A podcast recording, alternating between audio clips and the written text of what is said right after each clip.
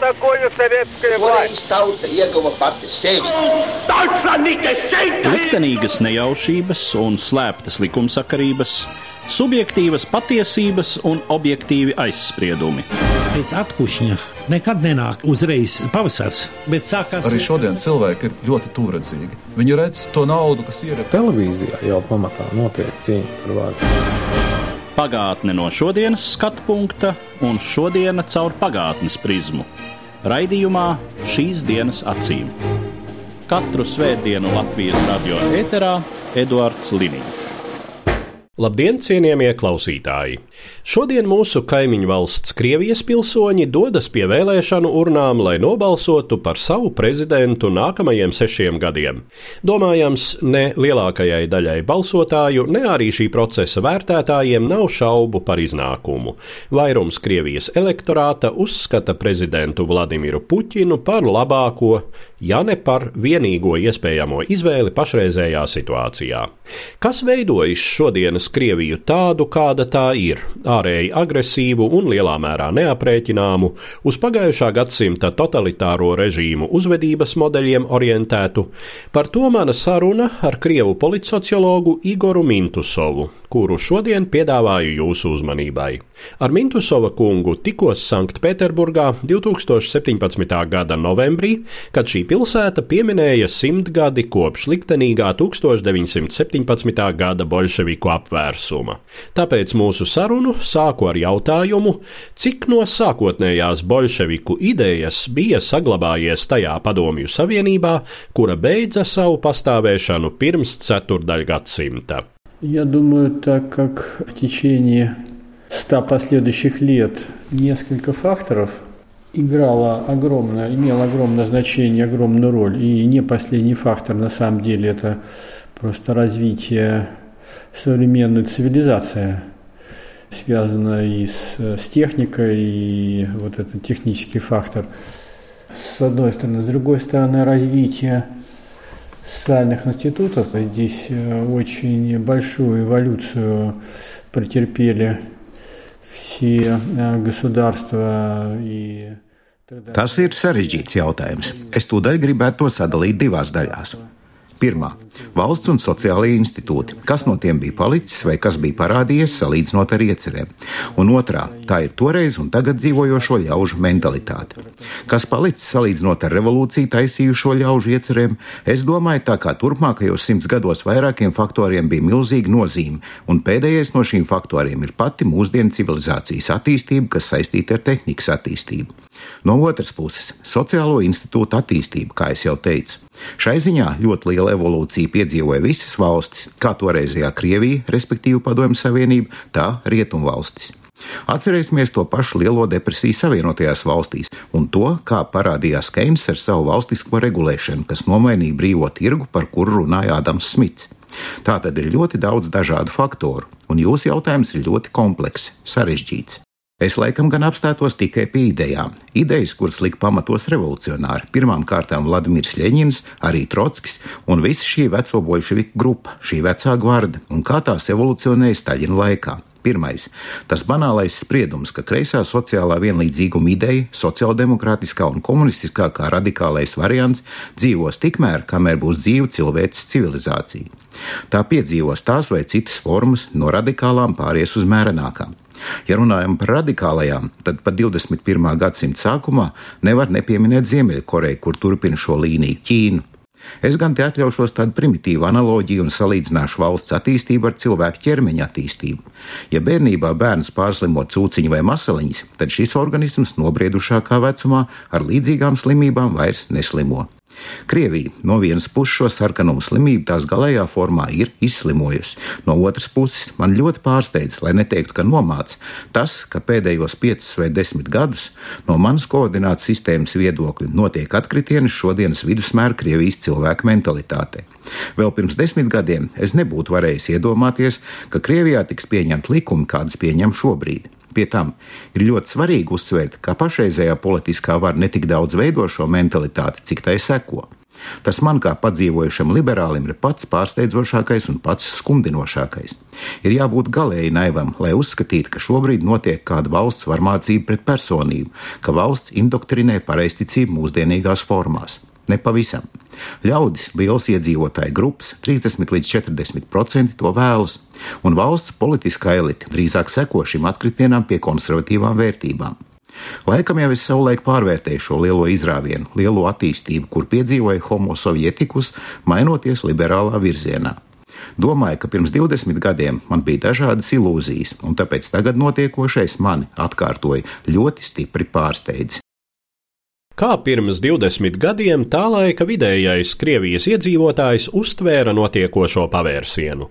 Vai viņam tā tiešām bija katastrofa, kā par to runā pašreizējais Krievijas prezidents, vai tomēr sākotnēji tas bija gaišas nākotnes apsolījums un vilšanās nāca pēc tam? Я по своей такой второй же приобретенной профессии в, уже в зрелые взрослые годы называю себя политическим социологом. То есть я достаточно внимательно всегда смотрю все опросы общественного мнения, которые проводят. Man otrā profesija, kur es apgūju jau briedumu gados, ir politsocioloģija. Es allaž ļoti uzmanīgi vēroju visas sabiedriskās domas aptaujas, kuras veids visi profesionālie centri. Man atmiņā ir tāds svarīgs un ļoti noderīgs skaitlis, kas figurēja laikā apmēram no 1988. līdz 1993. gadam. Jautājums tika formulēts, vai jūsu ekonomiskā situācija pēc perestroikas ir uzlabojusies, nav mainījusies, pasliktinājusies? Skaitļi bija šādi. Apmēram 25% labklājība bija augusi, apmēram 25% nebija mainījusies, bet apmēram 50% tā bija kritusies. Un, ja nu esam godīgi un objektīvi, tad jūsu padevīgs kalps pieder pie tiem 25%, kuru labklājība perestroikas rezultātā ir augusi, kuri no perestroikas ir ieguvuši. Tie ir 25. Nē, 2%, bet arī ne 55%. Tā arī ir atbild uz jautājumu. Tā nu ir, kā arī es skatos uz šo procesu analīzi no savu 25% perspektīvas. Bet 50% cilvēku gaidas, cerības uz labāku dzīvi izvērtās dzīves pasliktinājumā, tāpēc arī bija tā smagā vilšanās Borisā Jeļcinā, kas izpaudās 90. gadu otrajā pusē. Neskatoties uz titāniskajām pūlēm, kādas veltīja tie speciālisti, kur strādāja kopā ar Jeļcinu 1996. gada vēlēšanās. Jeļcinam tobrīd strādāja praktiski visi, vairāk vai mazāk iedzīgie profesionāļi. Bija ļoti amizanti vērot, cik komunisti šajās vēlēšanās bija, kā lai to maigāk pasakā, tik ļoti neizglītoti. Vairums politisko konsultantu viņiem piedāvāja savus pakalpojumus, lai viņi īstenot kaut cik sakarīgu kampaņu, bet komunistiem ar viņu nemainīgo līderi Jugānovu bija tāda pozīcija. Mums politehnoloģijas nevajag. Mēs iesim pie tautas, tiksimies ar cilvēkiem, visu viņiem izstāstīsim, un tauta mūs sapratīs. Bet viss šīs jūsu padarīšanas, šīs tehnoloģijas, Un vispār mēs no sākta gala esam tautas partija. Nabagi, naudas šīm tehnoloģijām mums arī nav. Tāpēc arī visi tie intelektuāļi, profesionāļi, kur tobrīd bija palikuši valstī, strādāja Boris Jeļcina kampaņā, un viņš 96. gadā vēl uzvarēja. Tātad, rezumējot, Padomju Savienības sabrukums tika sagaidīts ar cerībām, jo 80. gadu otrajā pusē būtiski pasliktinājās dzīves līmenis. Jau līdz ar Mihailu Gorbačovu nākšanu pie varas iztukšojās veikalu plaukti, un no otras puses bija šis naivais priekšstats par rietumiem. Veikali pilni ar precēm, var braukāt pa ārzemēm, ir brīvība. Tāds bērnišķīgi naivs priekšstats bija vairumam, un 90. gadu otrajā pusē šis priekšstats līdz galam sabruka. Vairums ļaužu atskata, ka nodarbojoties ar to pašu, ar ko nodarbojās agrāk, viņi ir sākuši daudz mazāk saņemt. Profesijas, kas Padomju Savienībā bija ļoti labi apmaksātas, sociāli atzītas, kā piemēram inženieri, šīs profesijas krasi zaudēja savu sociālo statusu un savus ienākumus. Visvairāk cieta tieši šī zinātniski-tehniskā inteliģence. Šo sabiedrības daļu arī ir visvairāk žēl. To viņu daļu, kurai trūka uzņēmēja mentalitātes, bet kuri būtu varējuši labi, profesionāli turpināt darīt savu darbu. Bet savu labklājību uzlabot varēja tikai tie, kur ķērās pie uzņēmēja darbības, bet tādu visā valstī statistiski ir ne vairāk kā 10%. Kas notika ar šīm bolševisma, komunisma idejām pēc Padomju Savienības sabrukuma? Viena lieta ir šī komunistiskā partija, kura ir mantojusi pašu zīmolu, taču vai šīs ideoloģijas elementi ir arī citām partijām? Vai var teikt, ka tas, kas šobrīd notiek Krievijā, ir zināmā mērā padomju pagātnes restaurācija? Еще раз я хотел подчеркнуть, что реставрировать советское прошлое это не является задачей. Это не является задачей политического руководства. Политическое руководство оно пытается и не безуспешно быть в мейнстриме определенных настроений и ожиданий. И в этом смысле слова президент России нынешний оказался очень талантливым политиком, который вот этот мейнстрим очень хорошо чувствует. И именно Vēlreiz gribu uzsvērt, padomju pagātnes restaurācija nav šī brīža politiskās vadības mērķis. Šī vadība visai sekmīgi cenšas turēties noteikti noskaņojumu un gaidu gultnē. Šai ziņā pašreizējais Krievijas prezidents ir izrādies ļoti talantīgs politiķis, kurš ļoti labi izjūt šo gultni. Tieši tāpēc viņš ir tapis par tādu harizmātisku figūru, tādu teflonu izstrādājumu, kur sevišķi neiespaido dažādu veidu konjunktūru, tā skaitā ekonomiskā. Kas attiecas uz padomu elementiem postpadomu Krievijas realitātē, tad tie pastāv iedzīvotāju mentalitātē. Kad padomju savienība sabruka, visi, saprotams, piedzīvoja zināmu stresu, postimpērisko sindromu. Man tas ir ļoti saprotams. Es arī pats to izjūtu. Tu esi dzīvojis lielā, varenā valstī, kuras vairs nav. Tā taču bija superliela valsts, bet tagad tu dzīvo gan joprojām lielā, spēcīgā, respektētā valstī ar skaistu vēsturi, bet tomēr bijušajā. Šīs izjūtas nepavisam nav pārsteidzošas. Pārsteidzoši ir kas cits, ka šis postimpēriskais sindroms sāk reanimēties. Nostalģija pēc bijušās impērijas, bijušās varenības negaidīti pārgāja aktīvā fāzē, izvērtās noteiktās darbībās, šīs spēcīgās valsts restaurācijā. Atkal modē ir Aleksandra III izteikums, ka Krievijai ir tikai divi sabiedrotie - Krievijas armija un Krievijas flote. Lūk, tas man pārsteidz, ka atmiņas par Krievijas impērisko pagātni ir izrādījušās atmiņas par tās nākotni. Es ar izbrīnu konstatēju, ka mentalitātes attīstība virzās pa zināmu apli un pamatmodeļi saglabājas. Tomēr tam, ka notiek padomju Savienības restaurācija, es nepiekrītu. Tas būtu ļoti rupšs spriedums. Ir ļoti daudz līdzīgu iezīmju, un spriežot galēji krasi, varētu teikt, ka dažos valsts sistēmas elementos tā ir tāda padomju savienība laita. Bet tā tomēr ir ļoti samtaina versija. Te ir viens ļoti svarīgs moments. Manā skatījumā pašreizējā Krievijas prezidenta ļoti nozīmīga un Krievijai pozitīva, ja vēlaties, īpašība ir tā, ka viņš ir pragmātiķis līdz kaulu smadzenēm. Ja cilvēka mentalitāte būtu izrādījusies liberālāka, ja tā veidotos liberālāk, arī prezidents kļūtu liberālāks. Viņš ir ļoti elastīgs. Tas nav līderis, kuram ir viena vai divas supervērtīgas idejas, ar kurām viņš ir pastāvējis, pastāv un nodzīvos visu savu politisko mūžu. Šai ziņā viņš cenšas vērīgi reaģēt uz visdažādāko konjunktūru. Ja paklausās viņa runas, tad laiku pa laikam viņš nobremzē visaktīvākos tādus impēriskos nacionālistus, kur ir gatavi uz priekšu, uz priekšu, uz priekšu. Var atcerēties veselu virkni tekstu, kuros viņš saka, ka mums nav tāda iespēja, lai noņemtos ar visu, kas pasaulē notiek. Mums ir mūsu interešu zona, kur mums jāsaglabā. Ir pagājis tas laiks, kad mēs katrā planētas punktā lienam iekšā un cenšamies diktēt savus noteikumus. Cits stāsts ir par to, kas ir tā Krievijas interešu zona. Tā arī ir ļoti sarežģīta tēma. Tāpat Ukraina vien ir ko vērts. Bet tomēr šeit nav tādas neierobežotas impēriskas agresivitātes, kāda bija kaut vai tai pašai hitleriskajai Vācijai 30. gados, kad tika celts trešais reiks, vai tai pašai Padomju Savienībai, kur būvēja sociālismu vienā atsevišķā valstī. Šodien Krievijai nav tādas ideoloģijas, tādas nacionālās idejas, kur pašā savā būtībā liek būvēt jaunu impēriju. Es domāju, maksimālais, ko Krievija grib, ir būt ļoti spēcīga, ļoti ietekmīga, sēdēt pie viena galda ar citiem lielajiem spēlētājiem. Krievijas politiskā vadība patiešām negrib būt statisti. Šai ziņā Krievijas politiskās elites pašnovērtējums pēdējo 10-12 gadu laikā ir ļoti smagi frustrēts ar daudziem maziem dūrieniem, kurus rietumvalsts, varbūt pašas to negribot, ir veikušas. Rezultātā Krievijas politiskā elite šobrīd uzskata, ka tā tikai un vienīgi aizstāvas un reaģē uz rietumu nedraudzīgām darbībām. Kaut vai tās pašas Krimas un Austrumukrainas sakarā daudzkārt ticis atkārtots, ka visi iemesls ir Janukoviča padzīšana. Esot taču bijis sarunāts, ka 2014. gada beigās būs vēlēšanas, ka Ukrainas opozīcija taču varēja nākt pie varas likumīgā ceļā, bet te rupi ar valsts apvērsumu. Tas tad arī vismaz morālā līmenī ir atraisījis rokas Krievijas vadībai zināmajām darbībām.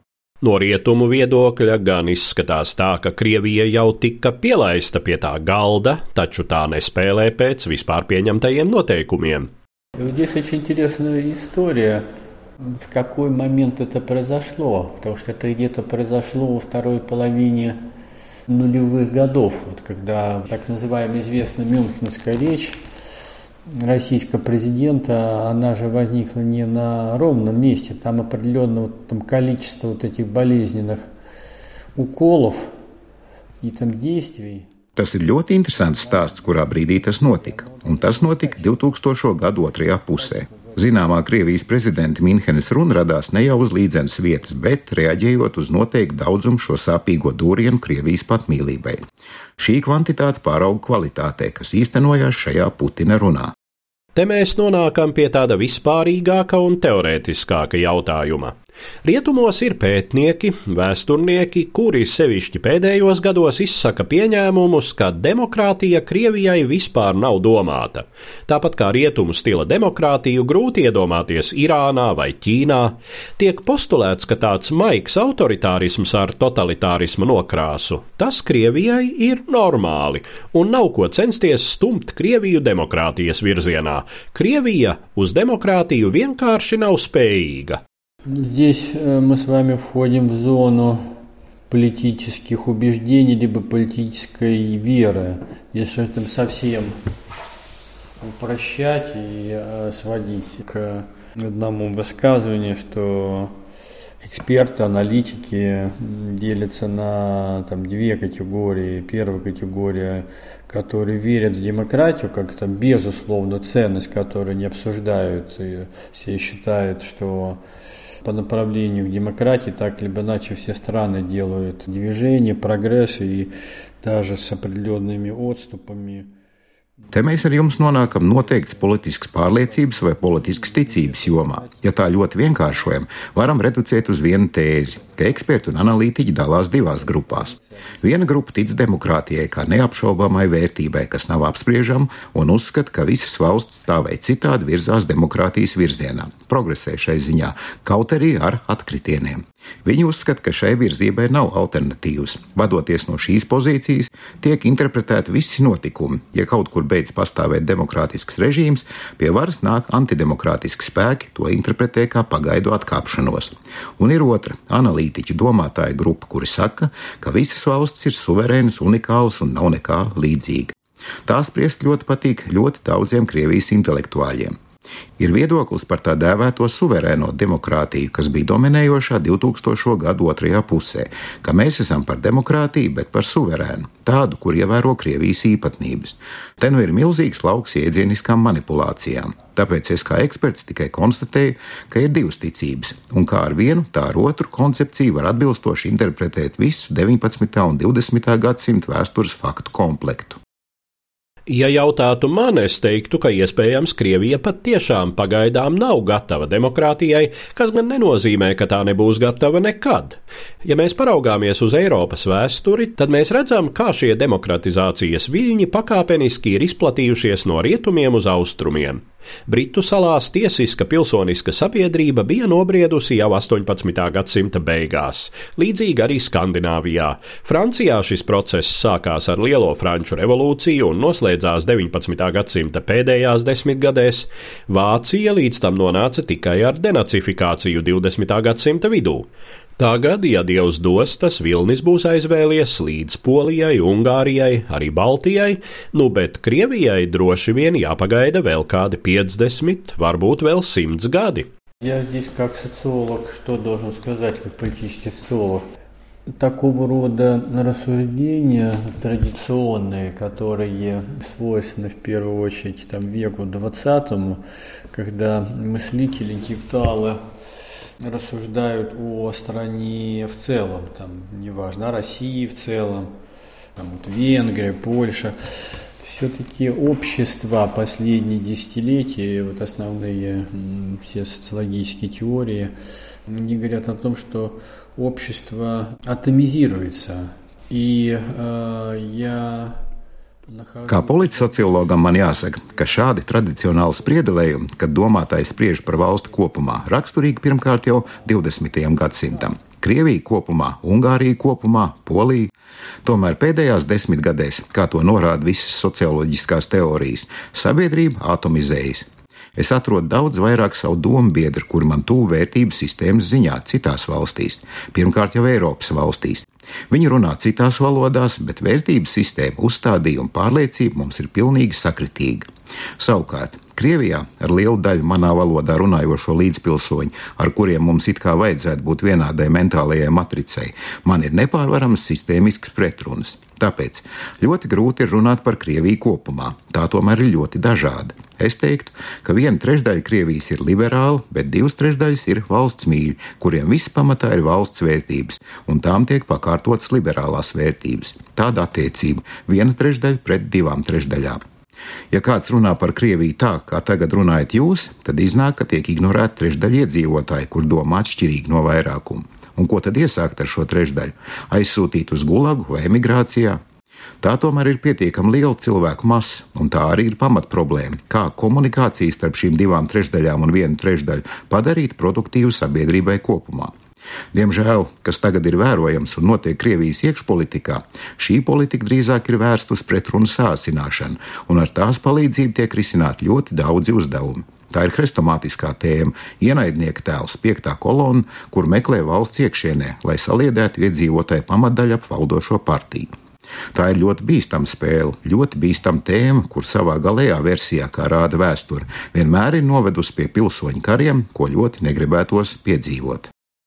Problēma jau ir arī tajā, ka visas manis pieminētās svārstības ir bijušas saistītas ar milzīgiem gan nacionāla, gan starptautiska mēroga satricinājumiem, kādi šodien ir ļoti problemātiski, ņemot vērā kodolieroču klātbūtni mūsdienu pasaulē, visas modernās pasaules ciešo savstarpējo sasaistītību ekonomiskajā informācijas ziņā.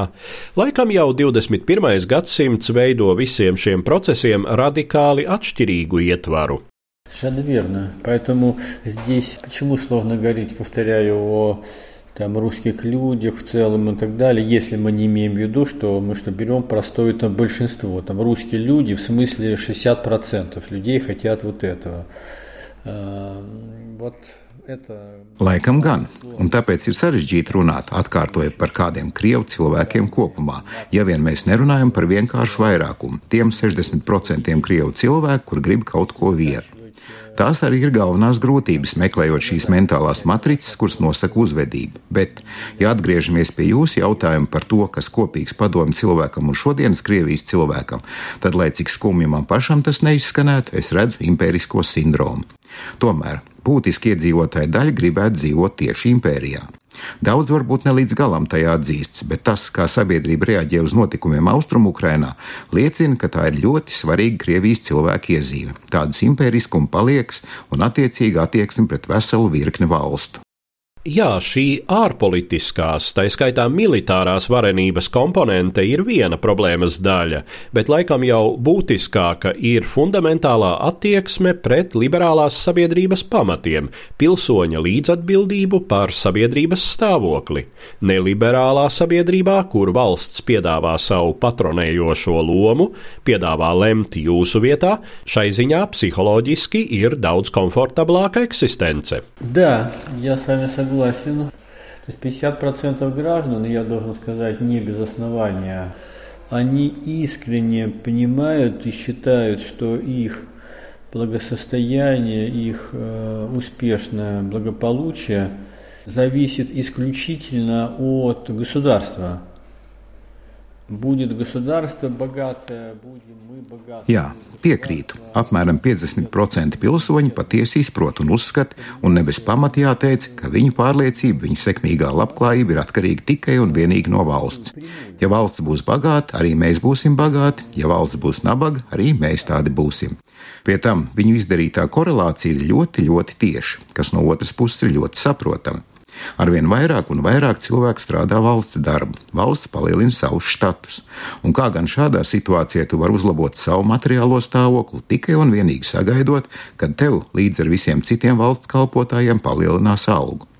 Tu neesi biznesmenis, kurš var savu situāciju uzlabot pats, bet šādu cilvēku jau jebkurā sabiedrībā nav pārāk daudz. Jā, šo mentalitāti viss atkarīgs no valsts var saprast. Tāpēc, ja valsts nonāk pretrunās ar biznesu, tad vairumu Krievijas cilvēku simpātijas nepārprotami ir valsts pusē. Nekādu šaubu. Jo viņi saprot, ka ja valsts būs bagāta, varbūt arī man kas atliekas. Valsts taču mums ir laba. Tajā visā var saskatīt līdzību ar klasiskām fašisma formām. Ne tajā ekstremālajā nozīmē kā vācu nacisms, Krievijā nav tādas ksenofobijas politikas, bet tajā nozīmē, ka visas sfēras tiek valstiskotas, tiek pēc iespējas likvidētas konkurējošās partijas, viss tiek reducēts uz vienu visaptverošu par, kurā ir labi visiem, kuri grib nodarboties ar politiku. Partijas tiek aizstātas ar kādām korporatīvām organizācijām, kā tas bija Musolīnī Itālijā, no kuras piemēra savulaik mācījās daudzi mazāk zināmi autoritāri režīmi.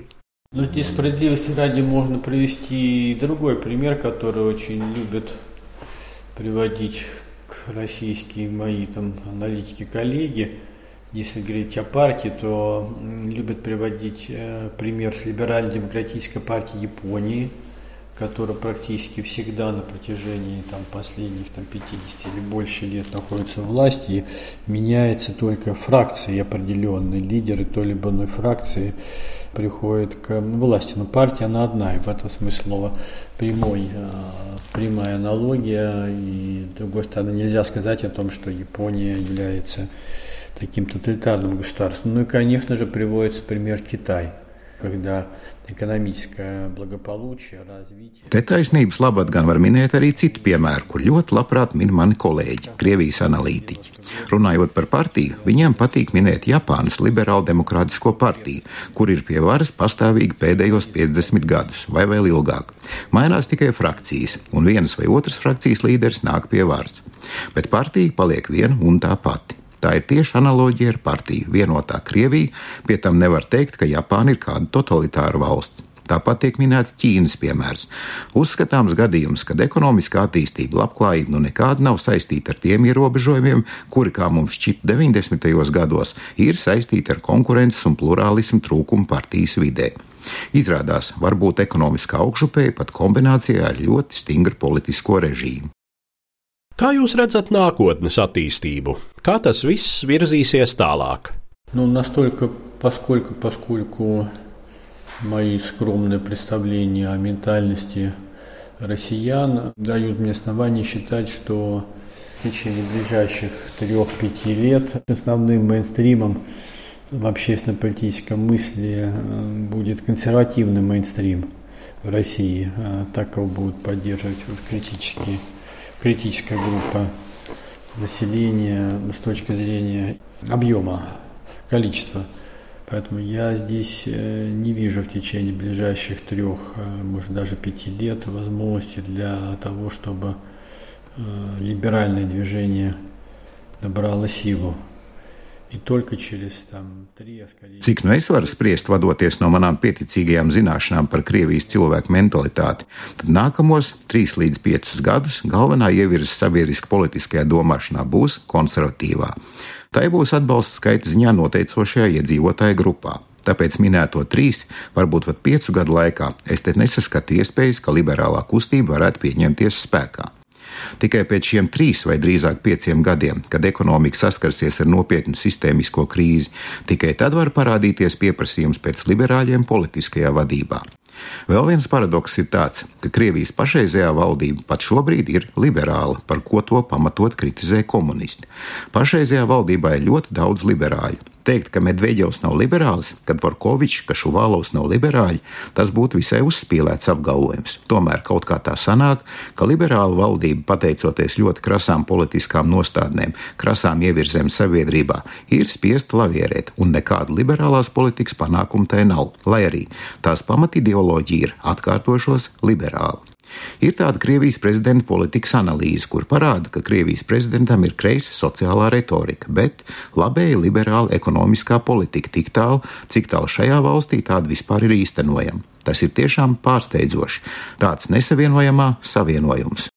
Es pieļauju, ka tas ir lielā mērā modernās informācijas telpas nopelns, ka var taisīt vienu politiku ar pavisam citu retoriku. Līdzīgas tendences jau ir vērojamas arī Latvijas politikā, kur partijas nosaukums un deklarētā ideoloģija nebūtu nenozīmē vienmēr konsekventu politiku. Arī tās partijas, kuras sevi dēvē piemēram par labēji konservatīvām, mēdz koķetēt ar kreisām sociālām idejām, kad ir tāds elektorāta pieprasījums. Запрос на леволиберальную риторику очень высокий. Президент в этом смысле совершенно следует в этой линии.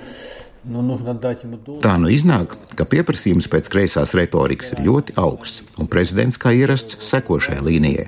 Bet viņa labā jāsaka, ka tie liberālie ekonomisti, kur bija viņam apkārt daudzus gadus kopā ar viņu strādāja, tādi kā Kudrins Grefs, ir atstājuši uz viņu lielu iespaidu. Ar kreisu retoriku, kur pieņem iedzīvotāji, prezidents īsteno labēju politiku, jo vienkārši nesaskat tai alternatīvu. Ir tikai vārdi par tādu kreisu ekonomiku, bet faktiski visi daudz maz nozīmīgie ekonomiskie domātāji, kur tur darbojas, ir atraduši kopīgu valodu. Viņi visi domā labējās liberālās ideoloģijas ietvaros. Var jau būt, ka prezidents arī labprāt īstenot kreisu politiku, bet nav tādu sistēmisku figūru, kur šo politiku nozīmīgi realizētu. Prezidents to saprot, tāpēc arī viņa ekonomiskā politika ir labēja. Нет весомых фигур, которые системно эту историю в этом сделают. Президент это понимает, поэтому политика экономическая правая. Šī bija saruna ar krievu politsociologu Igoru Mintusovu, ierakstīta Sanktpēterburgā 2017. gada novembrī.